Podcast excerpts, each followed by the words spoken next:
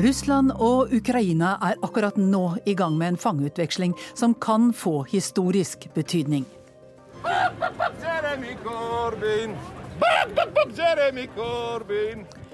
Når du trodde det ikke kunne bli verre kaos i det britiske parlamentet, så blir det nettopp det. Hva driver kineserne med i Afrika? Kontinentet får en sentral plass i det 21. århundrets kinesiskbygde Silkevei. I dag starter avvæpningen av en gerilja fra det muslimske mindretallet på Filippinene. Norge er med. Det betyr at 40 000 tidligere stridende skal avvæpnes som en del av implementeringa av fredsprosessen. Sier utenriksminister Ine Eriksen Søreide. Og ukas korrespondentbrev handler om koner og diplomati. Velkommen til Urix på lørdag. Jeg heter Gro Holm. Først altså til Russland og Ukraina, der fly og busser står klare til å transportere 35 fanger fra hver side hjem. Korrespondent Jan Espen Kruse i Moskva, hva skjer akkurat nå? Ja, Det aller siste er at eh, de 24 ukrainske militære som eh, ble arrestert og varetektsfengslet i Russland etter sammenstøt i Svartehavet for eh, litt under et år siden, de står nå på Vnukovo-flyplassen like utenfor Moskva og er klare til å gå om bord på et ukrainsk fly der som skal ta dem til Kiev. Og Det kommer jo også meldinger om at i, på hovedflyplassen i Kiev så står det et russisk fly som er klar til å frakte fanger eh, eh, hjem igjen til Russland. Og Det var jo i morgentimene i dag at det kom meldinger om at transporter med fanger var på vei ut fra et av fengslene her i den russiske hovedstaden. Ja, Du nevnte at 24 av disse ukrainske fangene er, sjø, sjøfolk. Hvilke, hva slags andre fanger er det snakk om her? Ja, først og fremst, Det viktigste symbolske er jo nettopp disse 24. Men i tillegg så er, uh, slapp uh, ukrainske myndigheter uh, Kryl Wyszynski, han er leder for det russiske nyhetsbyrået Ria Novostis avdeling i, i, Ukraina. Han ble altså sluppet fri for noen dager siden, og han kommer også til å bli fraktet tilbake til Russland. Symbolsk viktig for russiske myndigheter. Veldig viktig at han, nettopp han slippes fri. Og så er det snakk om at film filmregissøren Oleg Sentsov eh, skal eh, slippes fri fra russisk side. Dette er de høy, mest profilerte fangene som slippes i dag. Hvilken betydning eh, kan denne fangeutvekslingen få for forholdet mellom Russland og Ukraina? Den kan få veldig stor betydning. Fordi forholdet har jo rett og slett eh, vært iskaldt de siste årene. President Vladimir Putin har sagt at den forrige uh, ukrainske presidenten, Petro Porosjenko, var det helt umulig å snakke med. Ingen verdens tingen eh, skjedde i forholdet mellom de to landene. I løpet av de siste par månedene så har de to presidentene snakket sammen. Altså Ukrainas Volodymyr Zelenskyj og Putin har snakket sammen et par ganger. og og dette blir altså resultatet av, eh, av disse samtalene. Hvem eh, kommer til å tjene mest på denne fangeutvekslingen og det tøværet, tror du? Ja, Det tror jeg er eh, president Zelenskyj, fordi han eh, lovet i valgkampen at han skulle forbedre forholdet til Russland. Han eh, ville ha fred i Øst-Ukraina. Det var et av hovedpunktene på hans agenda og hans løfter. Nå har han vist i hvert fall at han i løpet av veldig kort tid har fått til noe konkret. Han har forbedret forholdet til Russland. Han har fått i gang en dialog. Så får vi se hva som skjer videre når det gjelder konflikten i Øst-Ukraina. Veldig mange håper på at dette dette skal være et første skritt som gjør det mulig også til å få, få til fred der. Men det er veldig mange snublesteiner. Takk til deg, Jan Espen Kruse i Moskva. Og du kan følge utvekslingen direkte på nrk.no.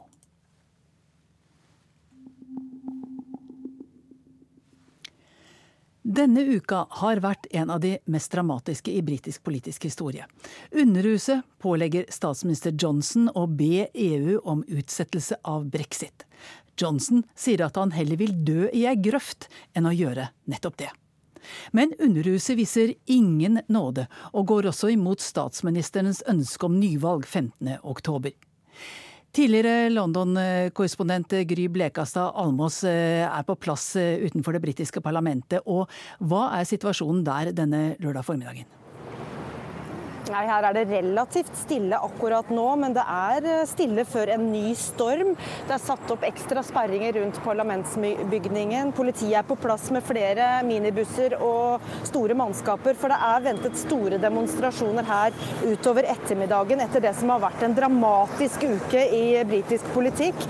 Folk kan i dag lese mm, i avisen at Boris Johnson er villig til å bryte loven og ikke be om en utsettelse av brexit. Eh, vi kan lese at opposisjonen blir beskyldt for å holde statsministeren som gissel ved at de er blitt enige om å stemme mot et tidlig nyvalg eh, på mandag. Eh, og vi kan lese oppfordringer om at Johnson nå trenger en plan B, for det er åpenbart at hans plan A har gått i vasken. Så snart fylles nok plassen her opp av demonstranter. Mange av dem har vært her hver dag denne uka, og jeg snakket tidligere med noen av dem. Jeremy Corbyn! Jeremy Corbyn! En mann i kyllingkostyme viser sin misnøye med den britiske opposisjonslederen Jeremy Corbyn utenfor den britiske parlamentsbygningen i Westminster. Han vil ha brexit fortest mulig, og mener Labour-lederen står i veien for det. Like bortenfor står en mann med EU-flagg og en plakat med påskriften 'Bollocks to Brexit'. Gi blanke i brexit. Uh, Britain Brexit um, will lead to the complete breakup of the United Kingdom with Scotland leaving and uh, rejoining the European Union. It did Jim er bekymret for at Storbritannia går i oppløsning, at Skottland vil gå ut og slutte seg til EU. Hvis det blir brexit uten en avtale med EU 31.10, frykter han matmangel og opptøyer, men Jim tror at parlamentet klarer å forhindre en slik skilsmisse. Alle er urolige for hva som kan skje, sier Kaya Marr. Han er satirisk kunstner og har med seg sitt maleri av statsminister Boris Johnson til parlamentsplassen. En naken Boris med et stort gullkjede det står 'Me' på, meg, og et stort løsrevet ratt i hendene. Because, uh, England without, uh, Europe is a torso without a head. England uten Europa er som en kropp uten hode, sier Mar, britisk statsborger med røtter i Latin-Amerika. Brexit uten avtale vil gjøre Storbritannia til en slave av Amerika, mener han. A no deal Brexit will result in the closure of social care homes en prinsessekledd dame ved siden av holder ballonger med påskriften 'ærlighet, integritet og åpenhet'. I hendene holder hun et skilt som sier at ingenting av det på ballongene gjelder den britiske statsministeren. Anyway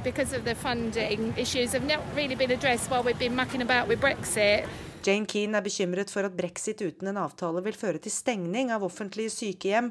Mange av dem er sårbare, for de har ikke fått de pengene de har trengt mens brexit-kaoset har pågått. Kyllingmannen er altså i mindretall på plassen foran parlamentet denne dagen, i sin støtte til statsminister Johnson. Han mener Labour-leder Jeremy Corbyn er den store skurken. Eller kyllingen.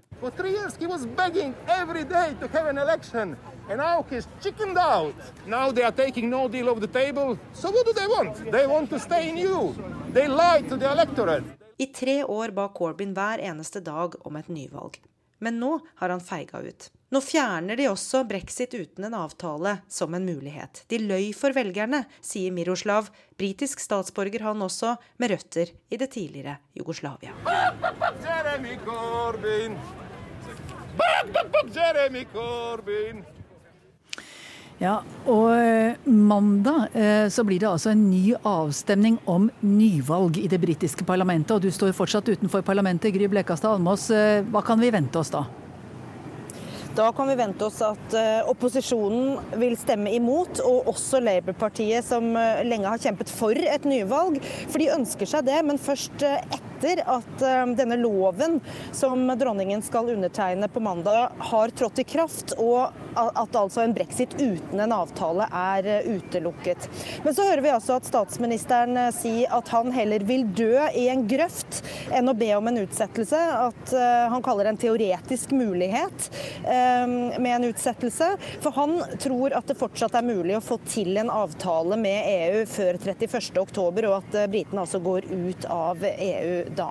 Men hvis han da nekter å søke utsettelse, så kan det havne i rettssystemet. Noen av de konservative politikerne som denne uka ble kastet ut av partiets parlamentarikergruppe, truer nå med å gå rettens vei for å sørge for at det blir en utsettelse av brexit til i hvert fall 31.1. da. Det er jo ganske kompliserte saker å følge med på for oss som ikke er spesialister på, på britisk politikk, dette her. Og, eh, og, hva tror du kommer til å skje nå i tiden fram til 31.10? ja, den som visste det. Eh, det kommer nye vendinger stadig vekk, så det er nesten umulig å si. Men Boris Johnson leder jo en regjering nå uten flertall i parlamentet, eh, etter det som har skjedd den uka som har gått nå. Ehm, det er vel ikke noe personlig seier for han heller, akkurat, at eh, hans egen bror også var, trakk seg fra både regjering og parlament. Ehm, han er altså blitt oppfordret til å komme med en plan B. Hva kan det være? Kan det f.eks. være at han velger å trekke seg, og at han lar opposisjonsleder Jeremy Corbyn bli mannen som da må be om en utsettelse. Eh, vi skal huske at det er flertall, eh, altså at et flertall av folket da stemte for brexit, og de har ventet nå i over tre år på at det skal skje. Så det er ikke spesielt populært med nok en utsettelse. Eh, så kanskje Johnson da vil erklære mistillit mot Corbyn, og dermed få til et nyvalg og, og selv vinne det valget og få igjen det flertallet som han mistet eh, denne uka. Det spekuleres i hvert fall i at det er ett mulig scenario. Mm, og Corbyn ikke, er ikke veldig hissig på å få regjeringsmakt akkurat nå? Nei, han har jo ønsket dette nyvalget, men tidspunktet er jo dårlig for han. Han ligger eh, veldig lavt på målingene. Eh, Labour-partiet gjør det ganske dårlig, og det er jo nesten utrolig at ikke eh, Labour har klart å ta det rommet som har oppstått i det kaoset vi ser i britisk politikk nå. Ja, til slutt, Hvordan tar britene det som nå skjer? Vi hørte jo noen stemmer her i det innslaget du laget tidligere, men, men hva er liksom inntrykket ditt? Ja, Noen er eh, veldig engasjert og kommer eh, hit eh, daglig. Men det er veldig mange som er lei, veldig lei av hele brexit. Av politikere, av å snakke om det. Det splitter jo ikke bare det politiske miljøet, men også vennskap og familier. Mange har prøvd å forberede seg til en utgang av EU, men så blir det utsatt, og så kommer de ikke. Og så er det eh, vanskelig. Noen har begynt å hamstre mat og den type ting, eh, i tilfelle liksom, det verste skulle se, skje. Men folk er aller mest eh, lei av å snakke om dette her. Eh, de har jo blitt bedt om å gå til urnene gang på gang. I 2015 var det valg, i 2016 var det folkeavstemning, i 2017 var det nytt valg. I år har de måttet velge EU-politikere igjen. Eh, og nå blir det kanskje enda et valg, og folk er rett og slett litt sånn utmatta nå.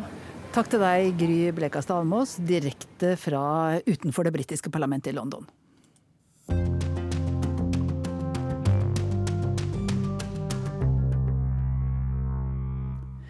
Nå til Kinas gigantiske belte- og veiprosjekt. I Afrika er kineserne i gang med å bygge havner, veier og jernbaner som vil endre kontinentets infrastruktur. Og på det eurasiske kontinentet skal det bygges veier og jernbaner fra Kinas stillehavskyst til Europas atlanterhavskyst. Nå snakker kinesiske ledere også om en arktisk silkevei, der Russland og Norge og andre arktiske land snakker om Nordøstpassasjen, denne uka besøkte USAs visepresident Mike Pence Island, og han takket islendingene for å ha avvist kinesiske investorer som forsøkte å skaffe seg fotfeste. USAs visepresident ønskes velkommen av Islands president i Reykjavik denne uken. De har mye å snakke om. Island ligger strategisk til når det gjelder Arktis, og Kina har begynt å snakke om en polar silkevei. Det får det til å gå kaldt nedover ryggen på amerikanerne, som har kunngjort at de ønsker å investere over en halv milliard norske kroner på militær infrastruktur nær Røykjavik.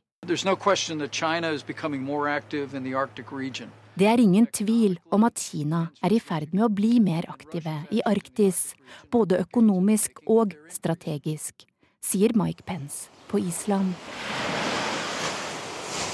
I 2011 ble en kinesisk milliardær avvist av Island da han ville kjøpe over 300 kvadratkilometer med land i øyriket. Island fryktet Kina ønsket å få et fotfeste i landet pga. kampen om Arktis. Siden rullet kineserne offentlig ut sitt såkalte belte- og veiinitiativ i 2013, en global strategi der Kina bidrar til utvikling av infrastruktur og investeringer i 152 land i Asia, Europa, Afrika, Midtøsten og Nord- og Sør-Amerika. Formålet er å styrke Kinas posisjon som økonomisk stormakt, noe amerikanerne har lite til overs for. Took, uh, rejecting China's Belt and Road uh, financial investment in Iceland. USA er takknemlige for at Island har avvist Kinas belte- og veifinansieringsinitiativ, sa Mike Pence på Island, og tok til orde for å styrke båndene mellom regionene i denne delen av verden. For i en rekke andre land kan det være for sent for amerikanerne, spesielt på det afrikanske kontinentet.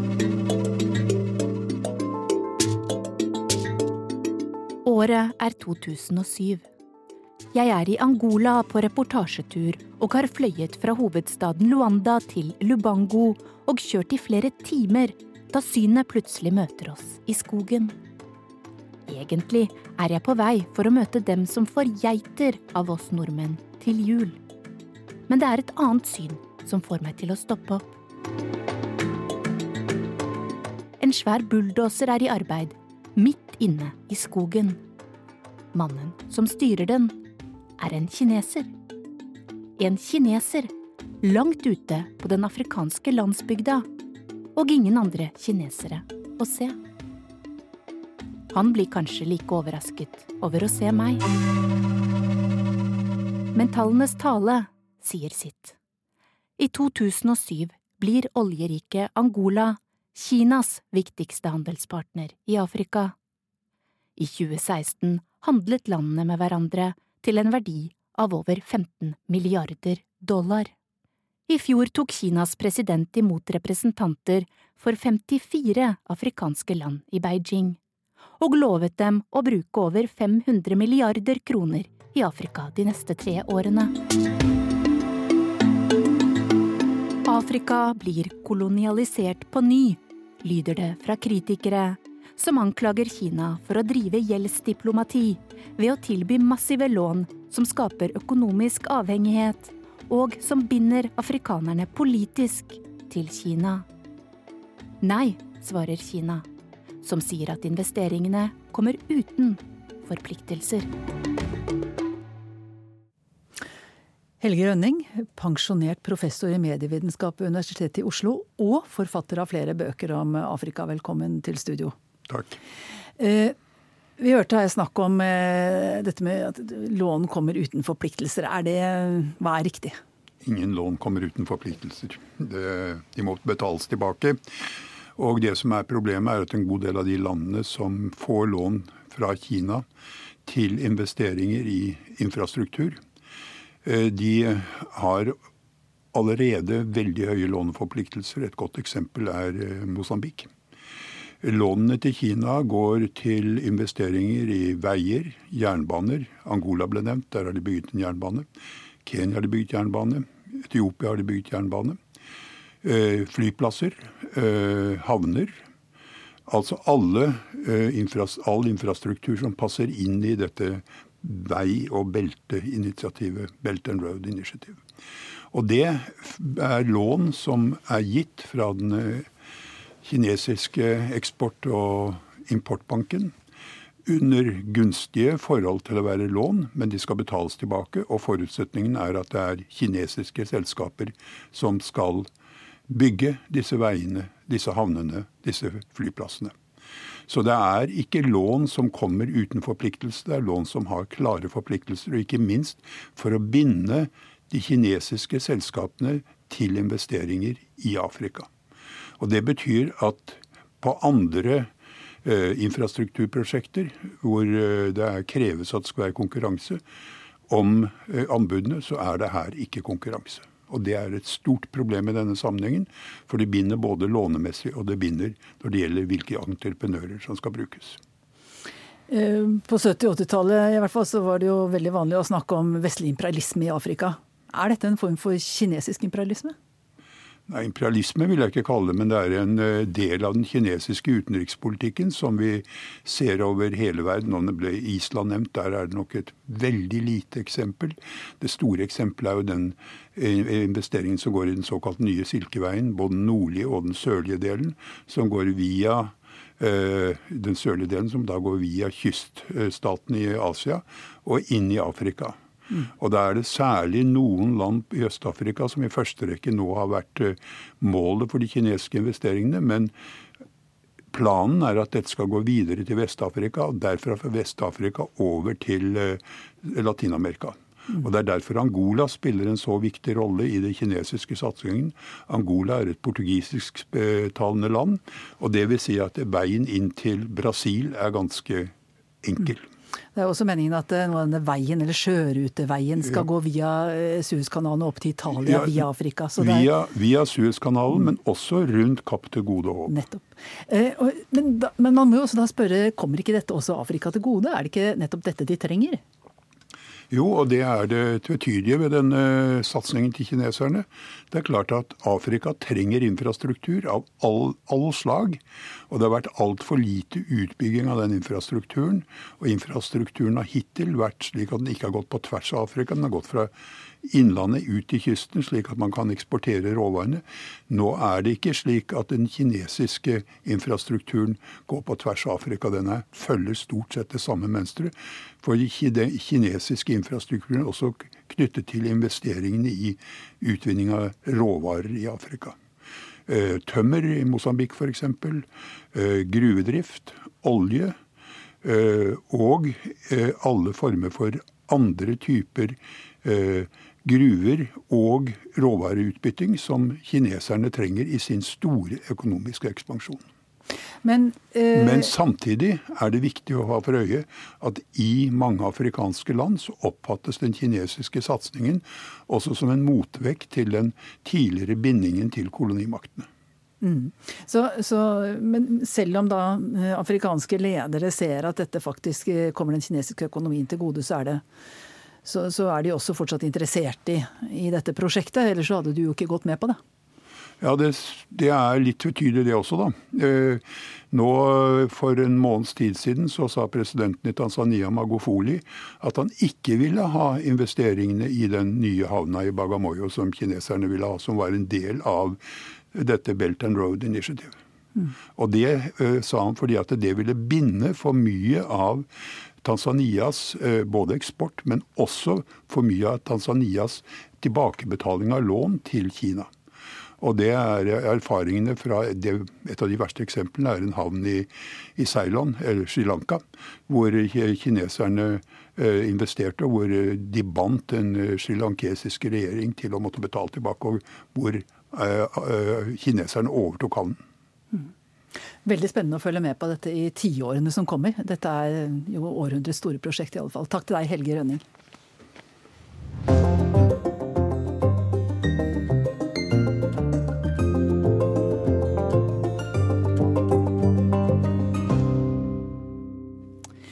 Nå til Filippinene, der det gjøres store framskritt i fredsprosessen med muslimene. Det muslimske mindretallet har fått et eget område, og i formiddag så skal de første geriljasoldatene levere fra seg våpnene. Det skjer, har kanskje allerede skjedd under en seremoni der også landets svært frittalende president Rodrigo Duterte deltar. Eh, Norge skal hjelpe til med å avvæpne til sammen 40 000 krigere sør på Filippinene. Anders Tvegård har mer. Ladies and gentlemen, the president of the Philippines, President Rodrigo Roa Duterte. Han kom for å lede en seremoni der deler av landet hans gis til et mindretall. Once again, President Rodrigo Roa Duterte. The president shall now bang the agong to signal the inauguration of the Geriljaen har kjempet for dette øyeblikket, og med et slags brak ble det velsignet av presidenten. Thank you, Mr. President. Om et par år kan muslimene ha et eget selvstyrt område på Filippinene. Selv presidenten gikk utenfor manus under seremonien for et halvt år siden. Speech, may I just express in front of you Og så ser han på at geriljakommandanten, som skryter av å ha møtt terrorlederen Osama bin Laden under trening i Afghanistan, blir tatt i ed som en av 80 midlertidige administratorer for Bangsamoro. We proudly opened a new chapter in our history as we inaugurate the Bangsamoro Autonomous Region in Muslim Mindanao. Nå er vi inne i en prosess som eh, går etter planen, og avvæpninga skal starte allerede nå denne helga.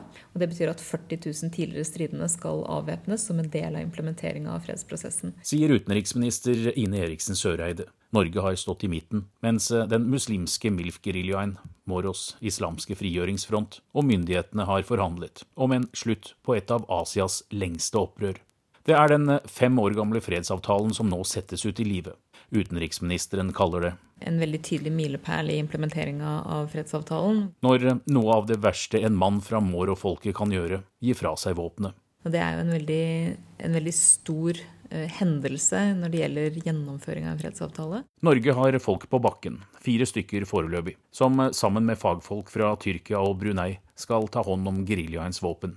Innleveringen starter nå, og går alt etter planen i den puljevise avvæpningen, så er det de tidligere kommandantene, eksperter på jungel, myr og sump, som får ansvaret for å sikre utvikling og en fredelig framtid for de fem millioner muslimene i et av de fattigste og mest krigsrammede områdene på Filippinene. Martial law has been declared over the entire island of Mindanao in the Philippines. President Rodrigo Duarte For bare to år siden var det militær unntakstilstand på Mindanao. Terrorgruppa IS' svarte flagg ble heist i det som kalles den islamske hovedstaden på Filippinene, byen Marawi, omtrent på størrelse med Bergen. President Rodrigo Duterte har sagt at en selvstyrt muslimsk region her som får makt og penger fra Manila, også bør være slutten på islamsk ekstremisme på Filippinene. Både IS og Abu Sayyaf er terrorgrupper som har skapt uro i den nye Bangsamoro-regionen. Over 50 år med bråk, mange 10 000 drept, lite skoletilbud og få jobber har gitt grobunn for kriminalitet og ekstremisme og alt annet enn en meningsfylt hverdag. Det er jo nå den mest krevende fasen starter, når fredsavtaler skal gjennomføres. My God, I hate drugs. I am a president of a sovereign state, and we have long ceased to be a colony. That's a lot of bullshit. Putang ina, mumurahin kita dyan sa forum na yan. I just heard about some of this, but I have seen some of those colorful statements in the past. So, you can go to hell. Mr. Obama, you can go to hell. My mouth is not the problem. I repeat it. Fuck you. Mannen som har kalt president Barack Obama for en horesønn, og bedt både amerikanske og europeiske ledere dra til helvete, har stanset en annen norskledet fredsprosess med kommunistene på Filippinene. Vi har signalisert til partene at vi er klare til å fasilitere igjen dersom de ønsker det. Men eh, Dutertes frittalende og udiplomatiske, tidvis vulgære stil har eh, ikke vært til hinder for å få gjennomført løftene i fredsavtalen med den muslimske geriljaen. Igjen utenriksministeren. Det viktige her er jo at denne prosessen starta lenge før Duterte kom inn i bildet. Og det at presidenten da har fulgt opp med det som eh, skulle skje fra myndighetenes side, bl.a. lover, regler og et område for selvstyre, det har vært en viktig brikke i å komme dit vi er nå. I pray for success and the guidance Allah in our endeavors. Og nå er tiden kommet til ukas korrespondentbrev, som er fra europakorrespondent Philip Lote og handler om koner og diplomati. Vi skriver 2019. Trump og Macron løser globale floker, mens fru Trump og fru Macron ser på folkedans. Den første påstanden her vil alltid kunne diskuteres, altså om flokene blir løst. Det kan også selvsagt spørres om hvem som har stelt i stand problemene i første omgang. Vi er på G7-møte i Biarritz. G7 er klubben av verdens rikeste vestlige demokratier, men det finnes en klubb til, Koneklubben. Og under årets G7-møte i Biarritz havnet vertinnen i skuddlinjen. Brigitte Macron representerte sitt land. President Trump sa hun gjorde en utmerket jobb, og at han for sin del mener fru Macron er en strålende kvinne. Det lå et stikk her. Det skjønte alle som fulgte med. Stikket var til den amerikanske presidenten, ellers nære allierte Jar Bolsonaro, Brasils president. Kun noen få timer før står Frankrikes statssjef på talerstolen, denne gang alene, uten Trump ved siden av. Hva gjelder de særdeles nedsettende kommentarene om min kone, hva skal jeg si, det er trist. Det er trist for brasilianerne. I flere dager hadde president Macron og president Bolsonaro ligget i ordkrig om Amazonas og skogbrannene. Det var først da Bolsonaro kommenterte og delte et Facebook-innlegg om Brigitte Macron at den franske presidenten la høflig diplomati til side. Slutt å ydmyk fyren, kommenterte Bolsonaro innlegget som sammenlignet et bilde av hans egen 25 år yngre kone med Macrons 24 år eldre kone. Brasils kvinner er uten tvil flaue når de leser dette om sin president, og jeg håper de snart får en president som lever opp til de standarder som følger embetet, sa Macron. Den franske presidenten avsluttet med å gjenta at Bolsonaro hadde løyet til han direkte da han tidligere i år hadde sagt at han ville innføre tiltak for å slukke skogbrannene i Amazonas. Bolsonaro hadde ikke lenger kun skogbranner å slukke. En klok president ville kanskje nå straks forsøke å få flammene under kontroll, men Bolsonaro svarte med at Macron måtte be om unnskyldning for sine fornærmelser og hans kolonialistiske holdning til landene i Amazonas. Emmanuel Macron er 41 år og 24 år yngre enn sin kone.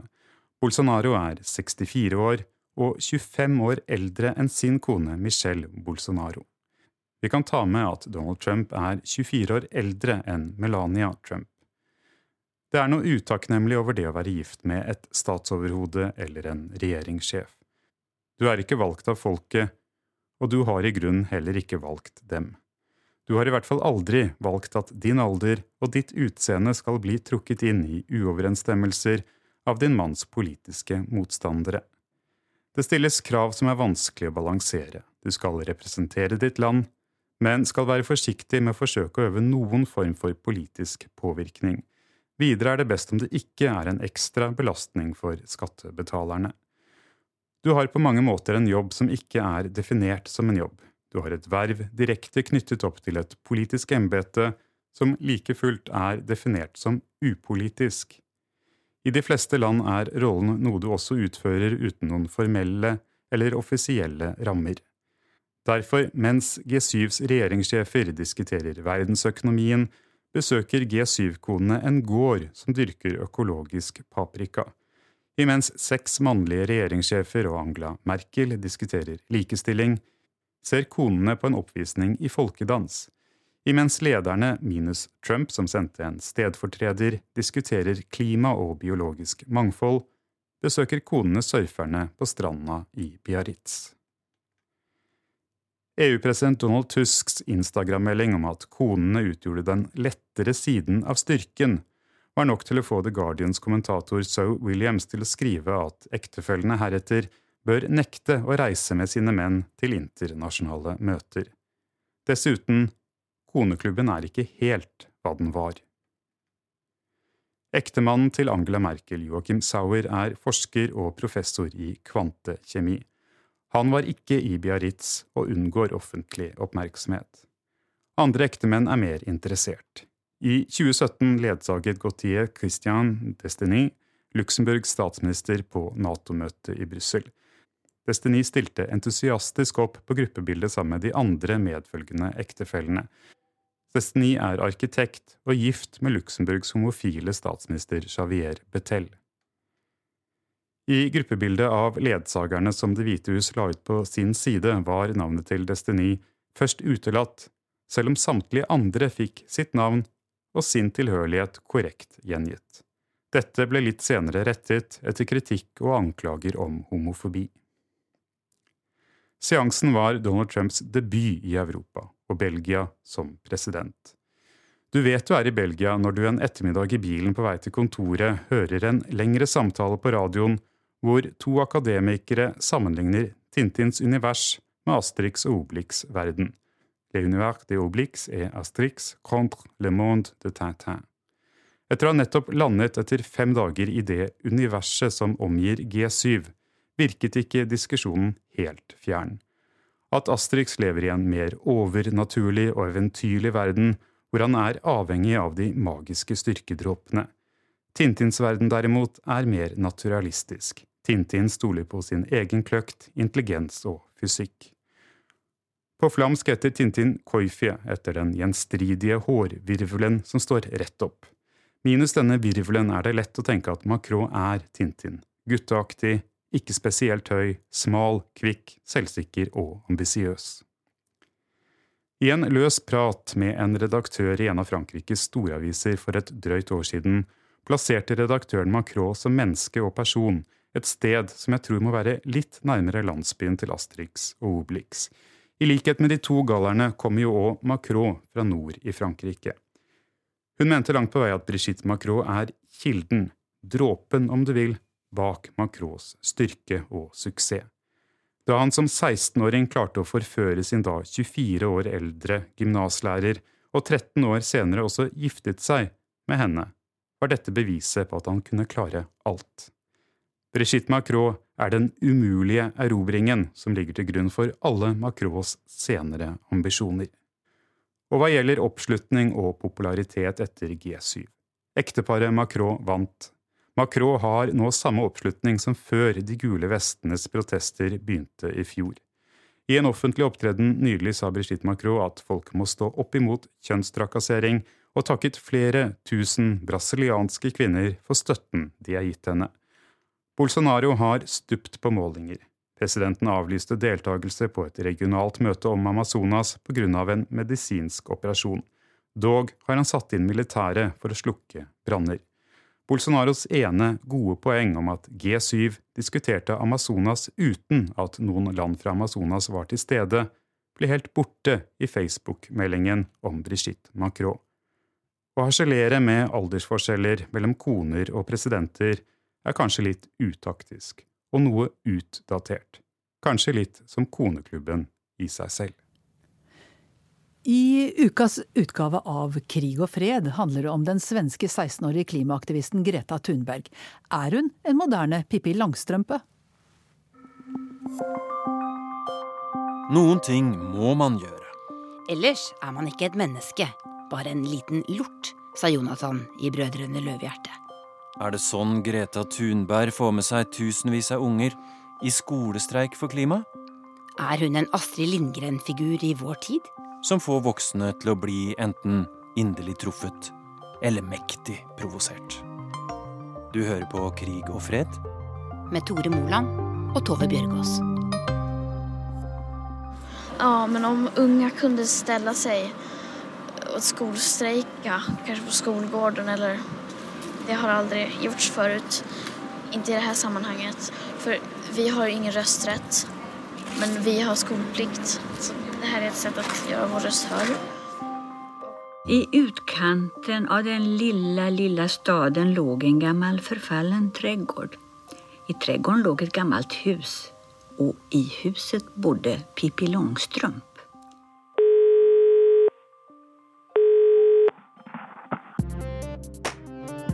Jag heter Per Svensson och jag är politisk redaktör på Dagens Nyheter. Per Svensson, tilbake i mars så skrev du en eh, leder i Dagens Nyheter eh, hvor du sammenlignet Greta Thunberg med, med Pippi. Hvorfor gjorde du det? Ja, dels finns det ju en rent yttre likhet med, med flätorna och eh, den här lite kavata framtoningen som både Pippi och Greta Thunberg har.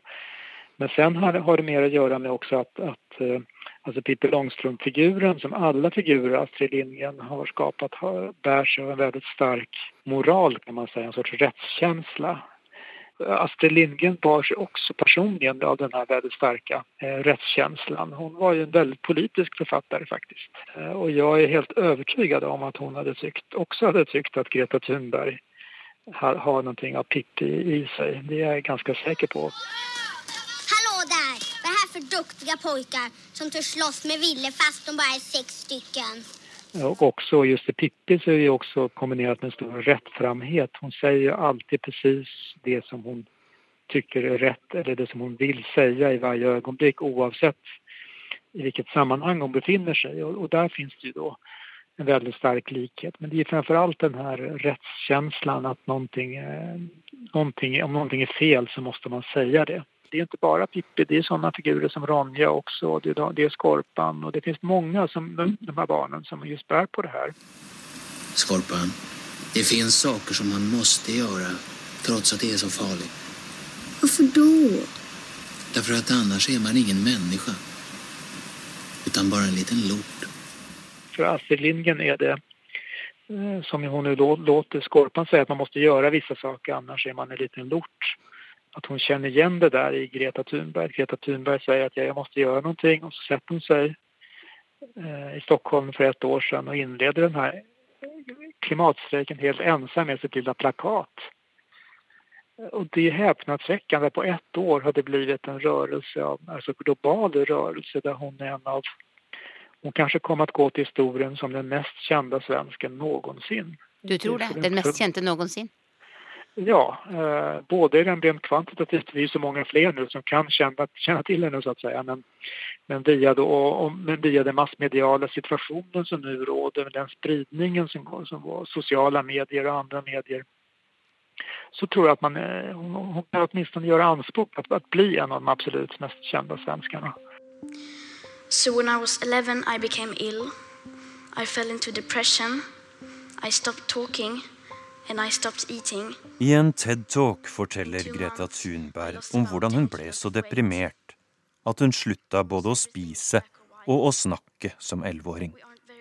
Først fikk hun flere diagnoser. Aspergers syndrom, som er en mild form for autisme, tvangslidelse og selektiv mutisme, en tilstand der barn og unge ikke vil snakke i visse sammenhenger. Det var klimaengasjementet som fikk henne til å fungere igjen, sier hun.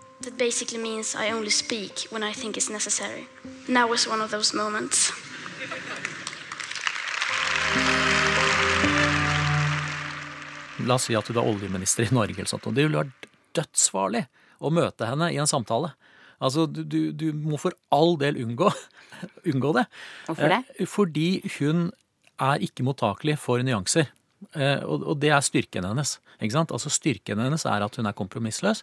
Styrken hennes er at hun er sånn endetidsorientert. altså Det er noe apokalyptisk der. Ehm, det er også svakhetene hennes. Men fordi hun er 16 år, fordi hun har aspergers, fordi hun på mange måter er sårbar, så kan man ikke liksom møte henne til en samtale hvor, hvor, hvor man insisterer på at det er noen nyanser. Mitt navn er Dag Inge Fjell. Jeg eh, jobber på Høgskolen Kristiania, foreleser i reklame, visuell kommunikasjon, er høyskolelektor der. I tillegg til det så jobber jeg med en god del markedsundersøkelser og rådgivning inn mot eh, annonsører og reklamebyråer, PR-byråer. Hvordan vil du beskrive fenomenet Greta Thunberg? Jeg syns det er et sånn historisk eh, fenomen. Altså, det, er, det, er, ikke mange ganger man, man får noe sånt nå på banen. Um, og det som er så fascinerende, er jo da hvordan dette har vokst. Altså hvordan såkalt organisk utvikling på henne og det hun er blitt. Altså startet da med uh, en jente som, som streiker, uh, er blitt ordentlig forbanna på at politikerne ikke vil gjøre som hun mener ting skal gjøres. Setter seg foran uh, Riksdagen, og så bare utvikler det seg. Og, og det er fascinerende fordi hun blir jo da et et ikon, man kan kalle det brand. altså Hun, hun blir no, en sånn forkortelse ikke sant, for ungdommelig engasjement. Og, og, det er veldig mange som, som, mener at eh, man må ha sånne for å mobilisere ungdom, sånn at eh, ungdom skal liksom lære seg hva som er rett og galt, og eh, lære seg om, om, hva man skal tenke på, og ikke bare sitte der og se på YouTube-klipp av noe tulleting. altså Hun blir noe som blir viktig for, for mange å forholde seg til, eh, og som fenomen er det fascinerende. Du bruker eh, begrepet organisk. Hva, hva, legger du i det når det gjelder eh, Greta Thunberg? Jo, fordi For et års tid siden, litt over et års tid siden så var det veldig mange som lurte på er dette iscenesatt av en organisasjon. Er det en PR-byrå som ligger bak dette og har lagd en plan hvor hun passer inn? Og det er det, det, sånn, liksom. ikke sant? Ja. det må jo være et eller annet der, men, men jeg tror at det, det, ikke er det. Og det er derfor det er så interessant. Og dette begrepet organisk, altså dette, dette, bare utvikler seg i tråd med hva hun gjør, og hva hun opplever, og hvem hun møter. Det er ingen som har en stor plan bak dette, tror jeg. Forstår du at noen mennesker blir provosert av henne? Ja, altså det er sånn at hvis du da er en ansvarlig politiker ledende politikere, særlig norske, eh, sjefer for internasjonale selskaper, eh, må eh, holde seg langt unna henne i forhold til eh, en, en, vanlig eh, type debatt. Du kan ikke gå i debatt med, med Greta Thunberg? Nei, du kan, du kan, heller ikke gå i samtale, tror jeg. For jeg tror hun bikker over i den derre hva har du gjort, når skal dette skje, eh, hva gjør du i morgen når du kommer tilbake inn på kontoret ditt. Og det er klart at det, det, ligger til, det, ligger til, unge voksne å, å, å ha, ha, det sånn, altså sort-hvitt. Eh, det er derfor tegneserier med, med, med, skurker og helter er så fascinerende når du, er, når du, er, ung. For det er sånn du mener ting skal være. Noen må ta tak og gjøre ting. Noen må være Batman på vegne av miljøet.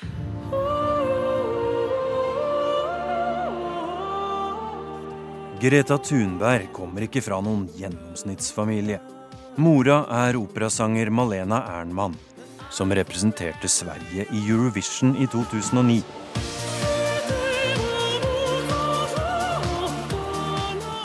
Hun har skrevet bok om de vanskelige åra i familien, som endte med Gretas klimaengasjement, og at lillesøster Beata ble sangerinne.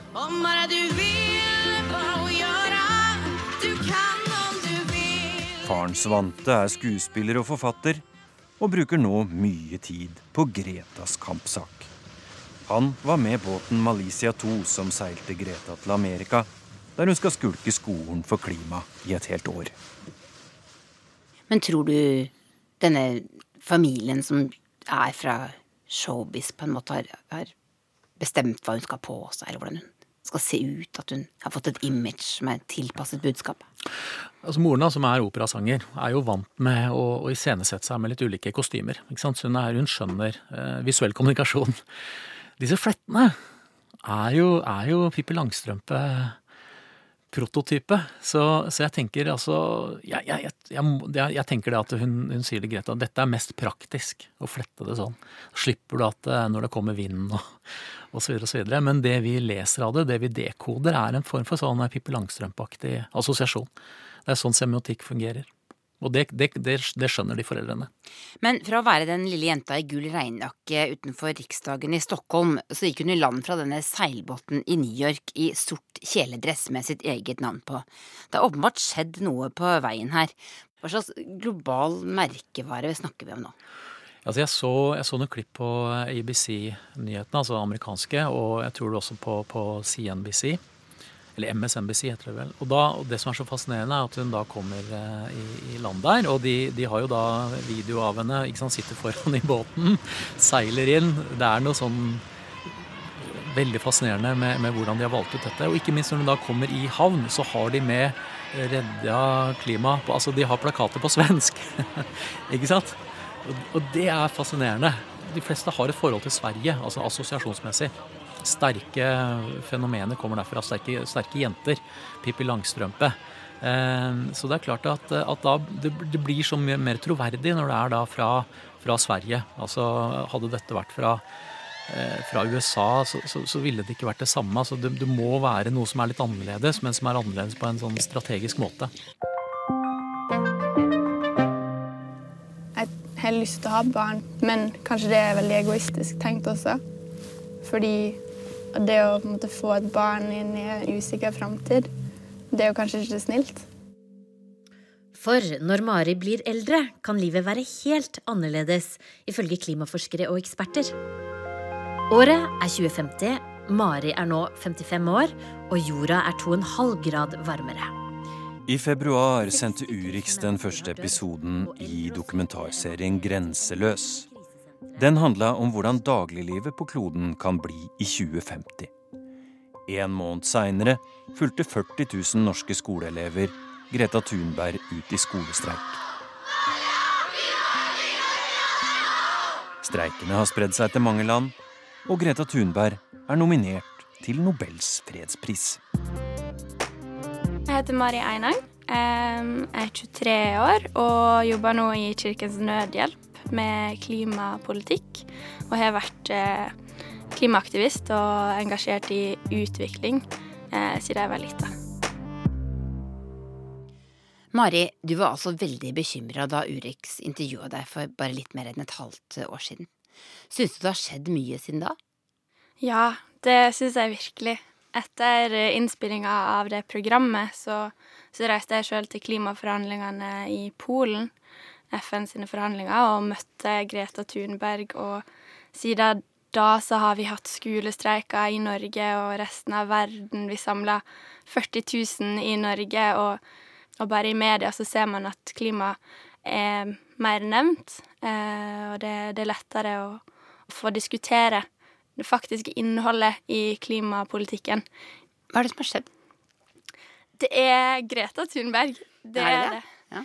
Sånn jeg ser det, så har Greta Thunberg gitt barn og unge et verktøy for å kunne vise engasjementet og sinnet og frustrasjonen eh, rundt eh, klimaendringene og rundt eh, den manglende klimapolitikken til de voksne. Den manglende evne til voksne å håndtere denne krisa så har vi fått et verktøy som er streik, og som har blitt så ufattelig synlig. Og i tillegg så har barn og unge fått eh, forstå klimaendringene og, og, det klimaendringene utgjør, på en helt annen måte gjennom Greta Thunberg sin retorikk. Greta Thunberg hun, hun sier jo at hun ble syk, kjente fysisk på kroppen at hun ble stum, hun, hun sluttet å spise og måtte engasjere seg mm. i denne klimasaken. Og, og, du har snakket litt om at du også har kjent fysisk på hva det er som skjer med klimaet. Kan du prøve å forklare hvordan det kjennes? Det er en følelse av en måte, frustrasjon som du kjenner gjennom hele kroppen. Fordi du føler deg så liten, og samtidig så vet du at problemet er så stort, og du vet at du sjøl har et kjempestort ansvar. At man har personlig skyld i at klimaendringene er her nå, og at det rammer de svakeste i verden hardest. Men etter å ha deltatt på eh, skolestreiken 22. mars, og også i mai og igjen nå eh, 30. august og klimabrølet Så har jeg igjen trua. Leste du om, om Pippi og, og sånn når du var liten? Ja. Syns du man kan sammenligne Greta Thunberg med Pippi? Jeg skjønner at folk gjør det. Jeg ser på en måte noen likhetstrekk også, um, spesielt musflettene. Men uh, annet enn det så er det jo den sterke viljen uh, og det motet som hun har, som har vært avgjørende også for at hun klarte å få i gang streikene, men også at hun, hun klarte å, å, å dele det med resten av verden.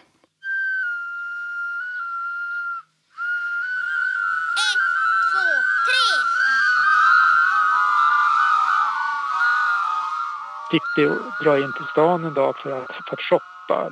I alla fall så köper hon lergökar till alla barn i hela stan och så drar de fram genom ett, eh, ett stort tåg genom hela stan och spelar på sina lergökar, såna här alltså, fåglar i lera som, som pip, pipande fåglar.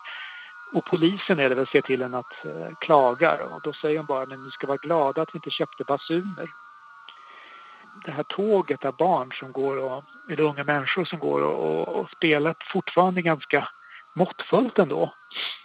Eh, men, men där det finns en, en, potential för en väldigt stor vrede som kommer att rikta sig, tror jag, mot min generation och vi som har haft det väldigt bra efter kriget som, som har njutit av detta och också i någon mening gjort det eh, väldigt svårt för våra barn och barnbarn att fortsätta förvalta jorden. Hvordan er eh, debatten i Sverige nå om, om Greta Thunberg? Jag tycker att det finns en, en, eh, en för mig svårbegriplig eh, Greta, ett Greta-hat skulle jag nästan säga hos vissa man ser det man är ute på nätet där man kan hitta små nålstick i en del ledarartiklar och så där det talas om hysteri och att man i, in, man i nedsättande mening talar om detta som en religiös väckelse, att det har funnits barnhelgon förut och Jeanne d'Arc och sådana här saker. Jag tycker det är väldigt fånigt därför att Greta Thunberg, det speciella med henne är att hon ju inte gör anspråk på att besitta mer kunskap egentligen än någon annan. Hon säger hela tiden att jag har inga svar men man, man måste lyssna på vetenskapsmännen.